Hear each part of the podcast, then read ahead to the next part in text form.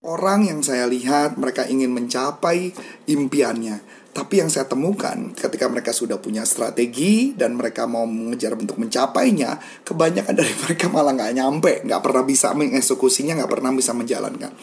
Dan itu yang saya temukan bukan hanya kepada orang banyak dan saya temukan ada diri saya juga.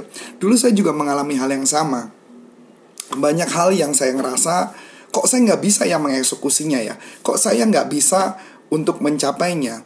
Ternyata banyak hal yang kadang-kadang saya terlalu banyak yang mau dicapai, mau dikejar. Makanya ada hal yang menarik yang saya pengen pengen bicarakan di Anda. Di sini adalah ketika Anda punya sebuah strategi dan pengen mencapainya atau impian Anda sudah punya impian pengen mencapainya, anda harus bisa selain membuat strategi, Anda harus membuat kalau bahasa-bahasa saya adalah mengatakan melakukan sebuah pengukuran. Jadi Anda harus melakukan sebuah pengukuran. Pengukuran di sini maksudnya apa? Saya mau mencoba menjelaskan pengukuran yang paling simpel dan sederhana. Ini saya dapat idenya dari uh, anaknya Stephen Covey gitu ya. Jadi uh, dan idenya sangat cerdas banget, idenya sangat luar biasa. Nama anaknya Stephen Covey. Apa idenya? Idenya sederhana banget dia cuma mengatakan pertama, Anda harus punya dulu yang disebut namanya uh, widely important goal. Jadi dari seluruh goal yang Anda punya, pilih goal yang benar-benar kuat banget atau goal yang benar-benar bisa merubah keadaan. Jadi bukan sekedar goal yang biasa, tapi ke goal tersebut yang bisa merubah kondisi, merubah keadaan. Nah, saya ambil contoh misalnya paling sederhana, kalau dalam buku selalu dia menjelaskan tentang bagaimana menguruskan berat badan. Dan itu paling gampang banget, paling sederhana banget. Yes, bagaimana menurunkan berat badan. Nah, pada saat menurunkan berat badan itu adalah widely important goal. Nah, kemudian setelah membuat goal, kemudian mereka memisahkan yang menyebut namanya melakukan sebuah pengukuran.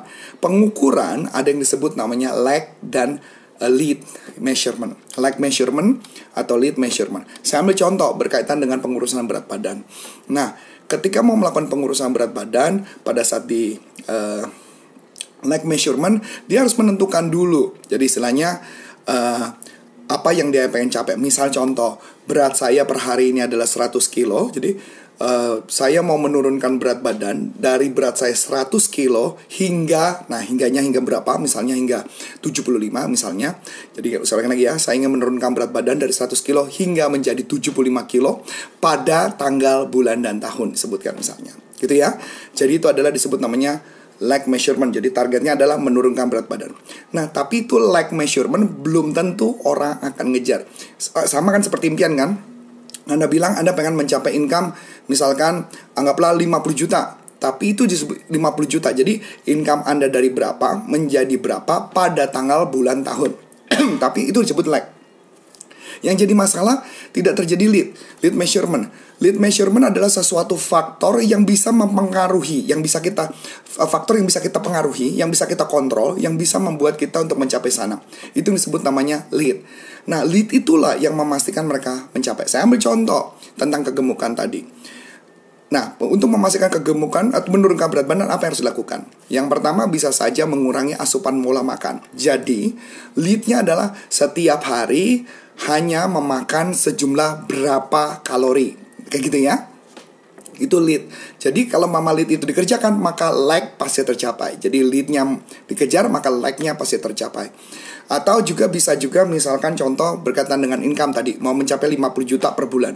Pertanyaannya, faktor apa atau hal apa yang bisa kita pengaruhi yang bisa membuat mereka mencapai uh, angka tersebut? Yang tidak disarankan adalah mereka bilang begini, Ya kan gini aja coach, saya setiap minggu atau setiap bulan saya mencapai uh, penjualan misalnya 100 juta misalnya untuk dapatin komisi 50 juta. Nggak bisa kayak begitu, nggak bisa. Lead itu adalah sebuah tindakan yang apa yang Anda lakukan yang bisa mencapai ke sana. Misalnya, Anda bertemu dengan dua orang per hari dan melakukan apa? Nah gitu ya, bertemu dengan dua orang tiap hari, mempresentasikan apa, itu adalah lead measurementnya. Jadi nggak bisa Anda sekonyong-konyong cuma mengganti setting like-nya aja maka lead-nya akan tercapai. Nah, itu yang kedua. Yang ketiga, yang paling menarik adalah membahas mengenai bagaimana cara memonitornya. Di konsepnya uh, konsepnya Sin Coffee dia cuma mengatakan perlu dibuat sebuah uh, scoreboard. Scoreboard bagaimana cara mencapai. Dan kebetulan di sini saya tidak sempat untuk menjelaskan apa itu scoreboard, tapi intinya scoreboard adalah melihat faktor-faktor supaya mereka bisa terukur untuk mencapai. Dan yang paling terakhir adalah yang paling penting adalah bagaimana caranya mereka bertanggung jawab untuk melakukannya. Itu yang menarik.